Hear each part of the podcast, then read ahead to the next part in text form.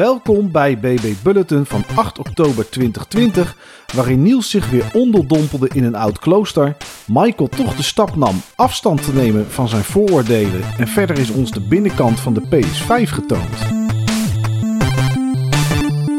Niels, als ik zeg oud klooster, dan weet iedereen die naar BB Bulletin luistert waar het over gaat, denk ik. Ik denk het ook wel. Ja. Dan heb ik het over Fire Emblem Three Houses. Ja, want het was denk ik een aflevering of twee, drie geleden dat je het daarover hebt gehad. En toen was er volgens mij nog één faction die je moest doen of zo. Of die DLC, ik weet het niet eens meer. Ja, ik had toen het erover gehad dat ik één playthrough heb gedaan met Golden Deer. En dat ik was begonnen aan Blue Lions. Mhm. En inmiddels zit ik in het één na laatste chapter van Blue Lions. Dat, is, dat gaat best wel hard. Oké. En heb ik eh, meer dan 100 uur op mijn save game staan. Ja, dat zag ik inderdaad. Je stuurde mij een foto en ik denk zo, nou dat is behoorlijke tijd. Ja, ook nagenoeg alle vrije tijd die ik had is in die game gegaan, moet ik zeggen. En ehm, dat zet me ook wel aan het denken van waarom wil ik de hele tijd deze game spelen? Terwijl ik nog zoveel heb staan in de kast en eh, er komen steeds nieuwe aankopen binnen. Maar het is echt Fire Emblem waar ik steeds aan moet denken op het moment dat ik zin heb om een spel te spelen. En eh, nou, heel toevallig heb ik vorige week een les voorbereid met ehm,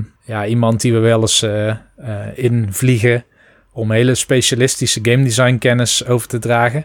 En ehm, dat is een les die gaan we samen geven, volgens mij op, uit mijn hoofd 18 oktober of zo. Mhm. En ehm, eigenlijk gaat het over hoe ontwerp je vanuit een beleving. Eh, wat je heel erg ziet, met name bij nieuwe ontwerpers, nieuwe game designers, is dat ze vaak ontwerpen op basis van wat ze kennen. Dus dan krijg je bijvoorbeeld eh, een platformer zoals Celeste, maar dan waar je ook kan schieten of zo, weet je wel. Of Ja, ja, ja. ik wil een soort Dark Souls, maar dan met een andere setting in een fantasywereld, ik noem maar wat. Ja, Maar dan krijg je eigenlijk vaak dat het niet zo goed aanvoelt als hetgeen waarop het geïnspireerd is. nee, nou inderdaad, dat vind ik bijvoorbeeld bij, ehm, eh, oh, dan kan ik niet op die naam komen. Op die, eh, die soort eh, Dark Souls, maar dan met anime, een beetje Weep Souls. Die Code Vein. Code Vein bijvoorbeeld, dat vind ik echt zo'n voorbeeld. Ja.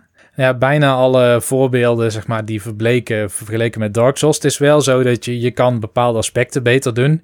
Want ik vind Nio vind ik betere combat hebben dan de From Software games. Ja. Maar de worldbuilding is weer minder. Dus dat zijn dan wel weer voorbeelden. Maar het- je kan dus wel redelijk succesvol iets inspireren. Maar zo kom je bijna nooit tot echte nieuwe innovaties. Dus wat wij proberen vaak om te leren is om te starten bij de beleving die je de speler wil laten hebben. En dat zijn de meeste ontwerpers niet gewend. Ik wou het zeggen, dat lijkt me, dat lijkt me heel moeilijk. Ja, ja dat is het ook wel. Eh, dus we hebben bijvoorbeeld een opdracht van ontwerp een wekker. Bijvoorbeeld die, ehm, ik noem wat, eh, inspiratie geeft in de ochtend. Of waar je een, ehm, een, een overwinningsgevoel van krijgt. Of die lust opwekt. Ik noem maar wat. Dat kun je ontwerpen. Als, je, als Die dat je uitgangspunt is. Die laatste, dat weet ik wel. Zo'n wekker waarbij je het geluid hoort van een frituurpan. dat wekt wel de hongerlust bij mij op, denk ik. Ja, maar die bestaat nog niet, denk ik tenminste. Nee, ik weet wel zeker dat die er niet is. Maar zo heb je bijvoorbeeld ook. ehm, we hebben heel wat verschillende iteraties op flitspalen gezien. Ja. Een flitspaal zelf, ja, dan word je geflitst, dan krijg je een boete. Maar dat wil niet zeggen dat je per se mensen aanmoedigt om de- op de juiste snelheid te rijden. Dus je ziet, daarna zag je bijvoorbeeld borden, u rijdt nu 41 km per uur. Ja, Maar je hebt tegenwoordig ook flitspalen. En die eh, elke keer als je onder het maximum rijdt, dan maak je kans in een soort van loterij op het geld wat die dag is opgebracht door die flitspaal door mensen die een boete hebben gekregen. hebben we dat echt? Dat hebben we echt, dat bestaat. Eh, dat wist ik helemaal niet. Waar staan die dingen? Nou, ik heb er een foto van, maar ik, eh, Oh, ik weet oké. niet waar die precies staat. Maar dat is een andere manier van nadenken over een flitspaal. En zo heb je bijvoorbeeld ook de music stairs. Dat is een trap. Dat is een heel bekend voorbeeld. Die wordt heel vaak gebruikt. Eh, heel veel mensen nemen de roltrap. Maar het is eigenlijk gezonder om de normale trap te nemen. Dus dan heb je een trap en elke trede is een pianotoets. Dus die maakt ook meteen geluid. Ja, ja, ja, die ken ik. Ja, dus dat is het idee van hoe ontwerp je vanuit de ervaring. En dan ga je heel andere effecten krijgen. En vaak is een verandering in de ervaring vergt een hele minimale verandering in hoe die game precies werkt. Bijvoorbeeld denk aan eh, Monop- Monopoly. Ja. Monopoly is, is een game, het begon ooit als de titel Landlords. Dus het is een game die gaat over groot landbezitters, zeg maar. En eigenlijk is de game niet leuk, omdat die niet in balans is. Maar dat is ook niet, want het, het landlord system was ook niet in balans. En dat was wat het spel aan wilde tonen. Van op het moment dat je ehm, kan rentenieren, zeg maar, op uh, vaste goederen, Mhm. dan, um, dan krijg je alleen maar meer geld. Ja, ja. Maar stel, je zou een kleine verandering uh, hebben in de spelregels. Hè? Dan zal ik even een voorbeeld geven van hoe grote verandering die een spelbeleving kan hebben.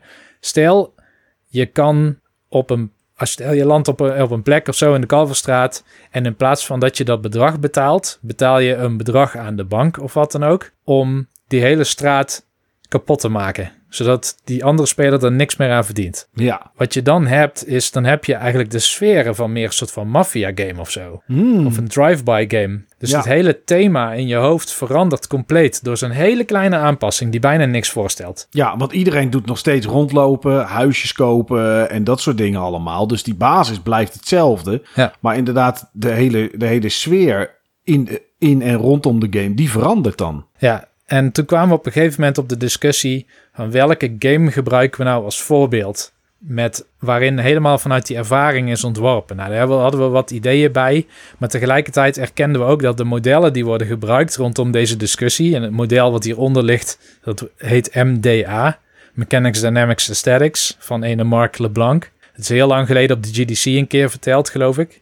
En er wordt heel veel gebruikt voor analyse van games. Maar het voelt alsof er iets mist. Want het legt bijvoorbeeld niet uit waarom voor veel mensen bijvoorbeeld een, de wereld van, ik noem wat Zelda Breath of the Wild, geloofwaardig overkomt, maar die van Horizon Zero Dawn niet. Terwijl als je kijkt naar hoe de wereld van Horizon Zero Dawn is gebouwd, dat is, dat is idioot. Maar ik heb wel een keer gezien welke heuristieken, welke regels er aan elke prop, zeg maar, die in die wereld staan, kleven. Dus eh, het, het moet bestaan uit materialen bijvoorbeeld, die in de omgeving van die prop, dus in, die in die wereld ook echt bestaan. Dus je kan geen houten of een, eh, een, eh, gietijzeren emmer hebben als er geen ijzer gewonnen kan worden. Nou, dat is- lijkt logisch, weet je wel, maar in een game Ja, ja, dan kan dat zomaar. tuurlijk. Ja. Ehm, er wordt ook rekening gehouden met hoeveel, wanneer is het gebouwd, zeg maar, met wat voor gereedschap en hoeveel tijd is er overheen gegaan. Dus wat is nu de staat van het materiaal als het zoveel jaar geleden is gebouwd en je hebt deze weersomstandigheden. ja, precies. Staat het in een gebied met sneeuw, dan is het misschien geroest. Dat soort Mhm. dingen allemaal. Ja, dus je zou verwachten, nou, daar is goed over nagedacht. Eh, er zit een heel, hele lijst aan, hoe, waardoor je tot hele consistente props komt, tot consistente modellen in die wereld. En, en toch mist er iets gevoelsmatig. Ja. Dan staat er ergens een hutje en er staat een poppetje voor en die geeft jou een quest en dan kun je weer gaan, zeg maar. Verder heeft dat helemaal geen functie. Nee. En eh, toen hadden we het erover van, oké, ja, die ervaringscomponent, misschien mist daar nog iets. Want de, de, de, die lijst aan heuristieken, zeg maar, die houden rekening, maar dat zijn allemaal vrij rationele begrippen, zeg maar. Tijd, eh, verderf, materiaal, eh, dat, dat soort dingen. En ehm, toen zei mijn, mijn collega, die, waar ik die les mee ga geven, die zei: Ja, ik heb laatst gesproken met een psycholoog, was het geloof ik. En die zei: Ja, waar je het over hebt, dat zijn de qualia. Voor mij was dat een nieuw begrip, qualia. Ja, ik ken het ook niet. Maar ehm, eh, je moet dat zien als meer irrationele regels. Eh, dus een, een rationele regel is iets wat ik jou kan vertellen. Van Ja. zo is het, weet je wel. Eh, als je 5 en 5 optelt, krijg je 10. Ja, als je je hand in het vuur steekt, dan verbrand je hem. Ja, inderdaad. En de irrationele component daarvan, dat is eigenlijk kennis die je verwerft door ervaring. Kennis die we allebei hebben, maar die we niet elkaar kunnen overdragen. Dat is niet mondeling of via communicatie te doen. Dat moet je hebben opgebouwd met levenservaring. Ja, oké. Ja, ja misschien, misschien een intuïtie of zo, zoiets. Valt dat daar, zou dat daaronder vallen dan? Ik denk inderdaad iets in de richting van intuïtie, maar intuïtie is ook wel weer een, een functie, zeg maar, die je hebt, die je ook op nieuwe situaties kan toepassen. Ja. Maar ehm, laten we zo stellen, als, als wij, je had het net over eh, je handen branden, als wij allebei onze handen zouden branden aan hetzelfde voorwerp, dan kunnen wij niet vergelijken wie nou de meeste pijn had, zeg maar, daaraan. Nee, nee, dat is niet te doen. Nee, nee. En daar zit dus iets van die qualia in. Want het heeft ook heel erg te maken met wat was je zelf nou gewend vanuit het Hmm. verleden. Ja, ja, ja, snap ik. Ehm, en wat waarschijnlijk dus Breath of the Wild goed doet, en het klopt ook wel een beetje met de lezingen die, die ik erover heb gezien, is dat de ontwerpers daarvan toch vaker ze maar vanuit die qualia ook ontwerpen. Dus vanuit die irrationele ervaring. Ja. Ehm, en dat zie je bijvoorbeeld terug in dat Zelda ooit was begonnen doordat Miyamoto dacht van ja, vroeger speelde ik in het maisveld, ging ik zogenaamd op avontuur. En hij probeert ze maar dat gevoel en die niet alleen van oké, op avontuur, dat betekent ik had een zwaard bij me, maar ook van hoe voelde dat nou? ja, ja, dat ja. heeft hij in een gamevorm omgezet en daardoor werken sommige van zijn games heel goed. Ook andere weer niet, zoals Wii Music. Eh, want daar, daar matchen zijn qualia niet met die van een ander. Nee, inderdaad, ja, dat klopt. Maar goed, waarom zeg ik dit? Ik denk in Fire Emblem dat die qualia heel erg bijdragen aan mijn ervaring. Hmm, Want je, je geeft toch les in die game. En het Ja. Komt over met mijn beeld van wat goed docentschap is. Dus het, het gaat niet over kennis overdragen en dan een toets afnemen. Maar het gaat over wat kan deze student, zeg maar. Wat wil die student? Waar zitten de talenten? Hoe accelereer je die talenten? Hoe maak je mogelijk dat die talenten ook goed op hun plek komen en dat die ingezet kunnen worden? Zeg maar, en dat ben je in Fire Emblem ook aan het doen. En ehm, ja, dat is dus de ene kant. En aan de andere kant vind ik het ook gewoon een gave game met een Ja. gaaf verhaal. En dat, eh daar kom ik nu wel achter. Dus ik ben nu met de, met de tweede playthrough bijna klaar. En dan kom je erachter dat de gameplay natuurlijk nagenoeg hetzelfde is als je eerste game, eh, playthrough. Ja, Je hebt wat andere soorten karakters, weet je wel. Die kunnen net iets anders of die krijgen andere skills. Maar goed, dat verandert niet rigoureus de beleving. Nee. Maar het perspectief op het verhaal verandert dat wel, zeg maar. Dus ik heb nu echt een, een, een, een huis, een groep mensen, zeg maar, die hele andere belangen hebben in die wereld, een hele andere historie hebben en andere conflicten hebben. En uiteindelijk kom je wel vaak in dezelfde levels als in mijn eerste playthrough. Alleen heb je dan net een andere kant van het level met een andere kant van het verhaal. En ja, eigenlijk na twee playthroughs heb ik meer vragen dan na mijn eerste. Oké, ja, misschien dat die in de derde en eventueel vierde dan beantwoord worden. Ja, dat dat, zou denk wel ik mooi wel. zijn. Volgens mij moet je alle paden gespeeld hebben om een compleet beeld te hebben van wat is nu eigenlijk echt het probleem, de oorzaak en de reden waarom deze verschillende partijen zich zo tot elkaar verhouden. Ja. Ja, ik ben benieuwd Niels, eh, als je de tweede af hebt en je begint een keer aan de derde en daarna aan de vierde, of je dat inderdaad dan te weten komt. Ja, nou, daar zullen we niet heel binnenkort een BB Bulletin over hebben, denk ik. nee, dat denk ik ook niet. Maar mocht het ervan komen, dan ga ik er zeker nog een keer over de game hebben. Ja, ja, ja. Ja, vorige week vertelde ik het al. Ik had eh The Last of Us 2 gekocht. Een game die ik eigenlijk eh, niet hoefde te spelen. En ja, alles wat ik gehoord had van het verhaal en de, spo- en de spoilers, eh, nou ja, die klopte. Maar daar dacht ik van, ah, hier, wil ik gewoon niet aan beginnen joh. Wat is dit voor onzin? En eh, laat maar lekker hangen. Totdat ik, wat ik eh, vertelde vorige week, in één keer een mailtje kreeg van de Game Mania. Dat de game eh, vorige week donderdag in de aanbieding was voor eh, 29,99 euro. En ik dacht, ja, daar kan ik hem eigenlijk niet voor laten liggen. En dat heb ik natuurlijk niet gedaan. Dat vertelde ik al. En afgelopen vrijdag landde die op de mat. En ja, dit weekend en gisteren of eergisteren ben ik daar eens eh, rustig wat stapjes in gaan maken. Eh, ik heb nog niet extreem veel gespeeld. Ik zit volgens mij op 5,5, 6 uur of zo. En eh, ik ben geen completionist, want dan, ehm, althans, dat lukt niet meer. Dat probeerde ik wel, maar ergens ben ik een collectible vergeten. Dus ik weet niet hoe zich dat verhoudt als ik die alsnog later een keer op wil pikken. Of ik dat een New Game Plus moet doen of wat dan ook. Maar eh, ja, ik zal nog wel redelijk wat uurtjes de game moeten spelen of willen moeten spelen om, om hem uit te spelen. Maar er zijn wel een aantal dingen die ik, eh, die ik echt heel erg goed vind aan deze game. En er zijn er ook een aantal die ik iets minder vind. Maar die wegen niet zo zwaar als het goede. Het e- allereerste dat mij opviel, kijk, dat het er grafisch mooi uitziet, dat hebben we allemaal in trailers gezien. En dat klopt. Ik bedoel, eh, daar, is, daar is niks op af te dingen. Het is, ik weet niet of ik het mooier vind dan een Red Dead Redemption 2 of een God of War. Maar het zit allemaal wel, zeg maar, in dezelfde regionen. Dat is wel, eh, ja, dat, dat, is, dat is wel echt een, echt een ding. Dat is echt heel erg mooi.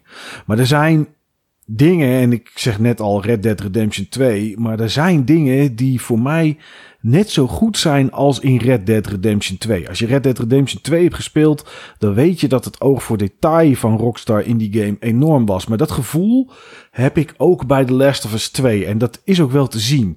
Um, Aan het begin van de game dan zit je op een paard met een persoon. Ik ga niet zeggen wie, want je bent namelijk niet één persoon in deze game. En dat is een van de dingen die ik minder vind, maar daar kom ik zo op. En je loopt met een paard ergens, loop je buiten en dan loop je onder een boom door, maar die boom heeft een wat laag hangende tak. Als je door zou lopen, dan zou je met je hoofd tegen die tak aankomen. Nou, normaal gesproken in een game ga je dwars door die tak heen of wat dan ook. Want ja, weet je, dat is veel te veel werk om dat soort dingen allemaal, allemaal te fixen. Maar hier zie je je personage op dat paard echt bukken. Die gaat echt naar beneden. Dat hoef je zelf niet te doen, maar die gaat echt, die bukt echt om onder die tak door te komen als je in begin van de game zit je in een gebied waar sneeuw ligt. En je hebt wat, wat runners of wat klikkers die afgemaakt zijn. Of misschien mensen. En er ligt dan nog een plas bloed.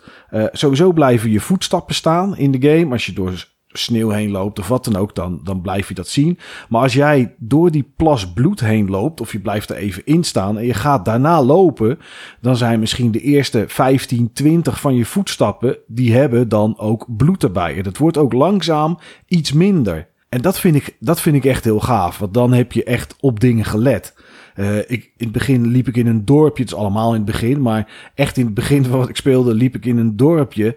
En uh, daar stond zo'n vuurton waar mensen bij stonden om zichzelf te warmen. Nou, ik liep daar naartoe. En terwijl ik er naartoe liep en dicht in de buurt was, gingen de handen van Ellie, want die bestuurde ik op dat moment, omhoog om zich zeg maar zo te warmen aan die ton.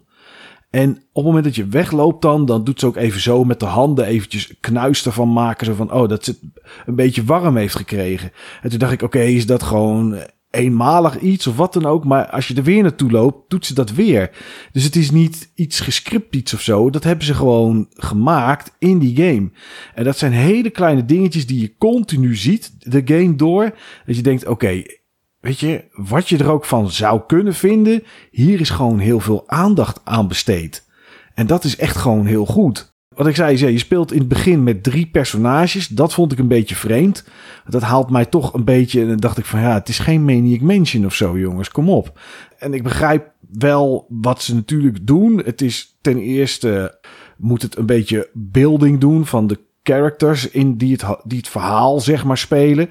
Maar ik vind van deel 1 vond ik het sterk dat je zeg maar het verhaal vanuit één kant van één iemand. Hè, dat, je dat, dat je dat had. En dat bouwt voor mij, nou ja, een band is overdreven, want dat heb ik er niet mee.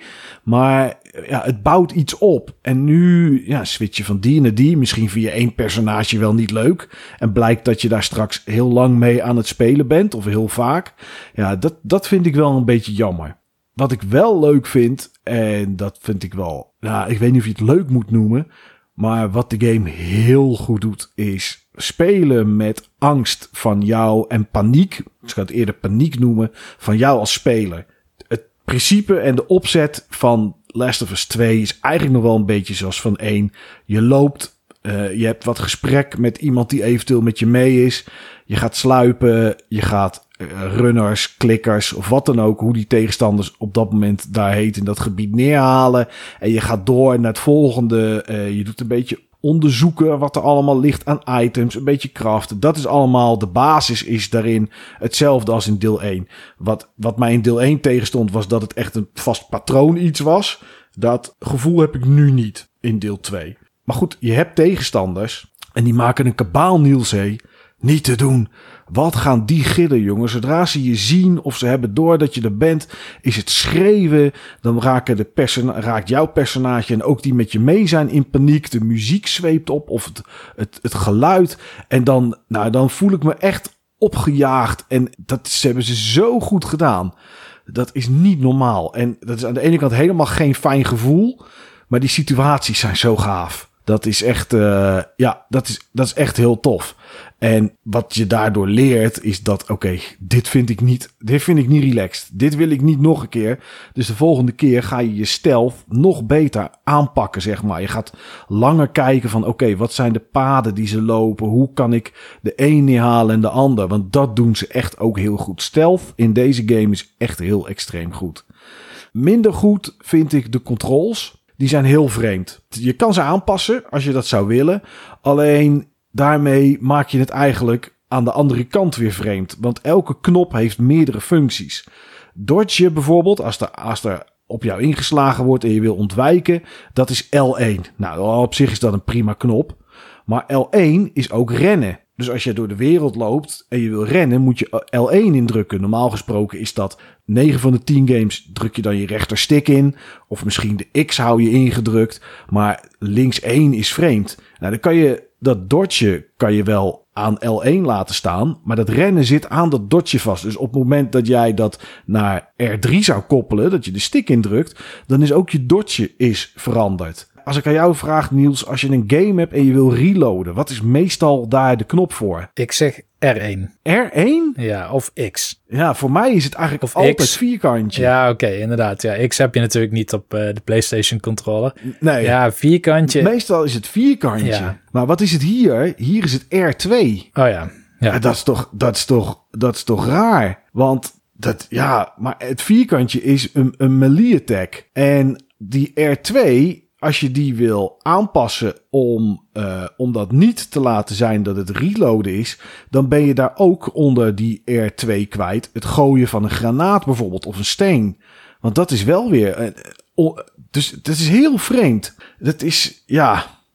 Ik weet het niet. Dat is. En het, het, het eh, brengt me ook in lastige situaties. Omdat ik wil. Met vierkantje wil ik dan reloaden. En dan zit ik gebukt achter een, achter een, een bureau. Of achter een steen. Of wat het dan ook is. En er lopen klikkers of er lopen runners. En je denkt, oké, ik wil sluipen. Maar ik wil wel even mijn wapen reloaden. Dan, ik vergeet gewoon dat dat R2 is. Dus ik druk op vierkantje. Dat is een melee attack. Dus Eddie gaat staan. Die slaat met iets. Die is zichtbaar. Maakt geluid. Hup, komen er zo weer twee of drie runners en twee klikkers op je af. Ja, dan kan je het wel schudden. Want dat is helemaal niet wat ik, waar, wat ik dacht dat er zou gaan gebeuren, zeg maar. Dus dat vind ik, dat vind ik wel een, eh, ja, dat vind ik wel een beetje nadeel. Voor de rest zitten er wel andere leuke dingetjes in die ik tegengekomen ben. Die niet heel veel toevoegen aan de gameplay of wat dan ook. Maar wel grappig zijn. Je kan bijvoorbeeld gitaar spelen. Eh, je, doet, eh, je ziet dan een, een rondje met de noten. Dan doe je je linkerstick doe je in, de in de richting van de noot. En met je duim eh, veeg je over je touchpad van de PlayStation controller. En dan Trung, gaat ze langs de snaren, zeg maar. Nou, zo kan je dan een liedje spelen. Iets wat moet of hoort in het verhaal. Of als je wil oefenen en zelf een liedje zou willen spelen, ja, dan kan dat ook. Ja, wat verhaal betreft is het tot nu toe puur een wraakverhaal. Meer is het nog niet. Eh, ik hoop dat daar nog wel verandering in komt. En ik denk dat dat ook wel gaat gebeuren. Maar goed, dat is natuurlijk altijd maar een beetje afwachten. Ja, ik weet niet. Dit, het is eigenlijk allemaal tot op heden is het gewoon goed. Eh, geluid, wat niet alleen bij die, bij die, bij die actiescènes waarbij je aangevallen wordt, is heel goed. Maar überhaupt, ik vind het ook heel stoer. En ik denk dat ze daarmee ook wel laten zien dat ze dat heel serieus nemen.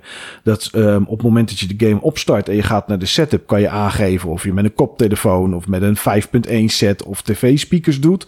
Nou ja, ik heb een eh, 5.1 set in ieder geval. En op het moment dat je dat die kiest, kan je ook aangeven wat de hoe je speakers gepositioneerd staan. Staan jouw rear speakers aan de zijkant naar je toe? Of staan ze achter je? Staan ze recht achter je? Of schuin? En dat, ja, ik heb daar even mee gespeeld omdat ik even wilde kijken. Maar dat verandert ook best wel iets aan het geluid. Dus dat vind ik, eh, ja, dat vind ik ook wel heel goed wat ze gedaan hebben. Dus tot nu toe heb ik eigenlijk op één verhaalding na, wat wel een groot ding is. Maar daar kan ik op zich tot nu toe wel mee leven. Heb ik eigenlijk geen klachten nieuws over The Last of Us 2. Maar dat is toch mooi? Ja, nee, ja, Je hoeft is niet te zoeken wel. naar klachten. Nee, nee, nee, dat heb ik ook niet gedaan. Ik heb gewoon, het, het is wat het is. Mhm. Maar ehm, ja, ik, ik verbaas mezelf er wel een klein beetje mee. Omdat ik van tevoren dacht, ah, wegwezen met die game. En, eh, en dat is heel slecht. Maar ik trek het recht. Ik, eh, ik, ik verander. En ehm, nou ja, dit is... eh, nee, ik heb eigenlijk wel zin om verder te spelen. Om te kijken wat er nog meer, wat er nog meer in zit in deze game. Ja, qua nieuws was het deze week heel karig. We hebben eigenlijk maar één dingetje nieuws. En dat is, gisteren hebben we een of hele kleine Japanse meneer met een hele grote PlayStation gezien. Of een best wel grote meneer met eh, een nog grotere PlayStation. Want eh, ja, op video had Sony gisteren voor ons eh, de uit elkaar haal How to Unscrew de PS5 video. Oftewel een, een, een engineer van Sony Japan heeft voor ons op beeld de PlayStation 5 uit elkaar gehaald. Ja, Niels, terug even naar wat ik net zei. Wat is dat ding groot, hè? ja, dat viel nog maar eens op, inderdaad. Ja, ja, misschien was het een niet hele grote meneer. We weten allemaal dat Japanners zijn natuurlijk niet zo groot als dat sommige Nederlanders zijn en zo. Dus wat wij hier gewend zijn.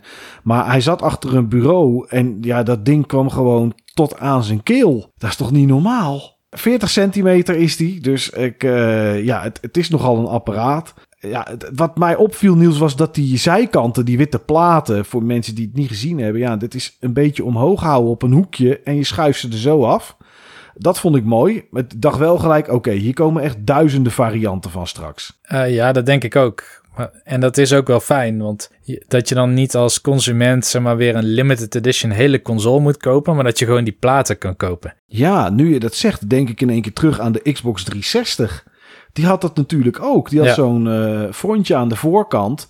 En daar kwamen de games uit. En daar zat dan een nieuw frontje bij, zeg maar. Die je dan er eventueel op kon klikken. Dus het zou wel grappig zijn als ze dat ook uh, met de PS5 gaan doen, inderdaad. Ja, ja, nou ja, en, er gaan natuurlijk mensen straks die dingen 3D printen. Hè? Ik bedoel, uh, op dag 1 kan je straks bij AliExpress natuurlijk gewoon 3D printen, zwarte zijkanten kopen. Ja, nou ja, je kan ze ook gewoon zwart spuiten. Als je het er toch los kan halen.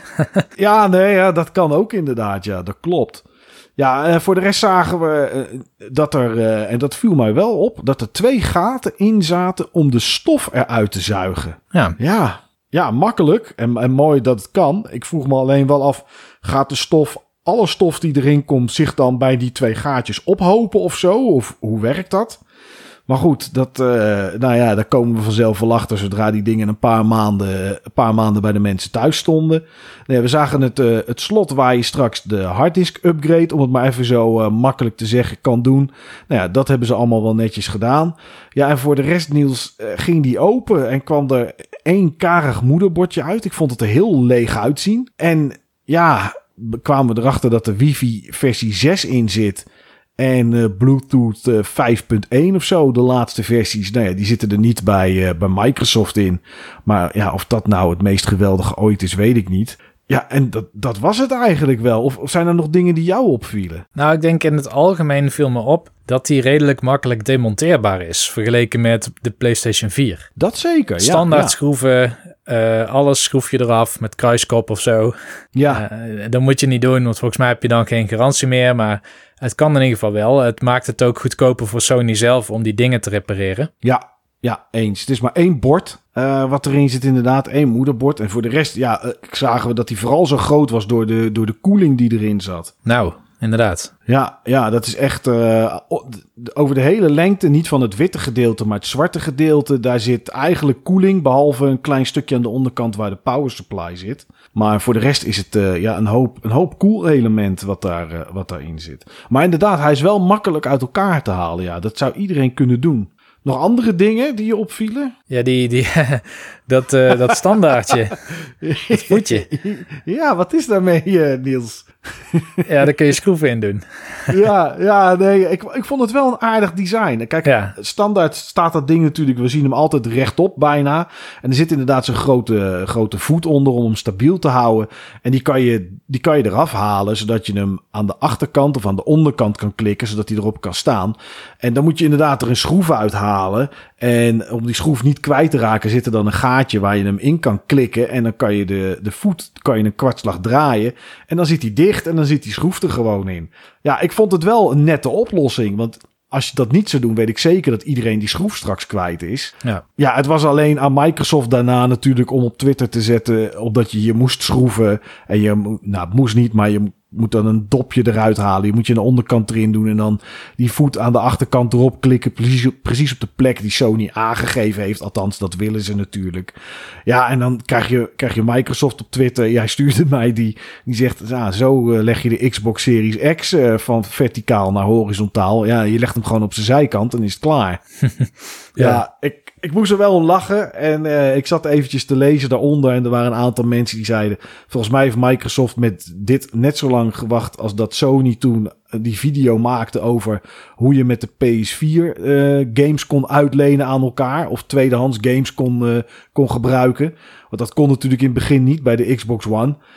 Omdat al die games zich aan je account koppelden en je altijd online moest zijn. En toen kwam Sony met een video van, nou zo eh, deel je games met je vrienden. En toen zag je gewoon de een die hem aan de ander gaf. En dat was klaar. Het was gewoon ook een videootje van 32 seconden. Maar ze scoorden daar wel heel het internet mee op dat moment. Dus uh, ja, goed. Ik, Dit was wel een knipoog inderdaad naar dat moment. ja, ja, inderdaad.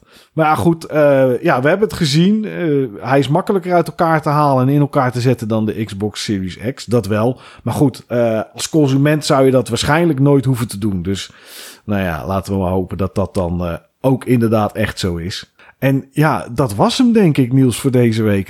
Er is gewoon niks interessants meer voor de rest. Voor het eerste lange tijd dat we weer een aflevering hebben die in de buurt van ons streven kwam. Ja, in de buurt van de half uur. We zitten er net iets overheen, maar nou ja, dat is het dan ook. Dus uh, ja, ik, het enige wat ik nog kan gaan doen is op zoek gaan naar die flitspaal waar jij het over had, Niels. Want dat is natuurlijk interessant. Ja. Om daar eens even langs te gaan rijden. Nou ja, goed. Uh, mocht ik hem gevonden hebben, dan horen u dat volgende week in een nieuwe aflevering van BB Bulletin.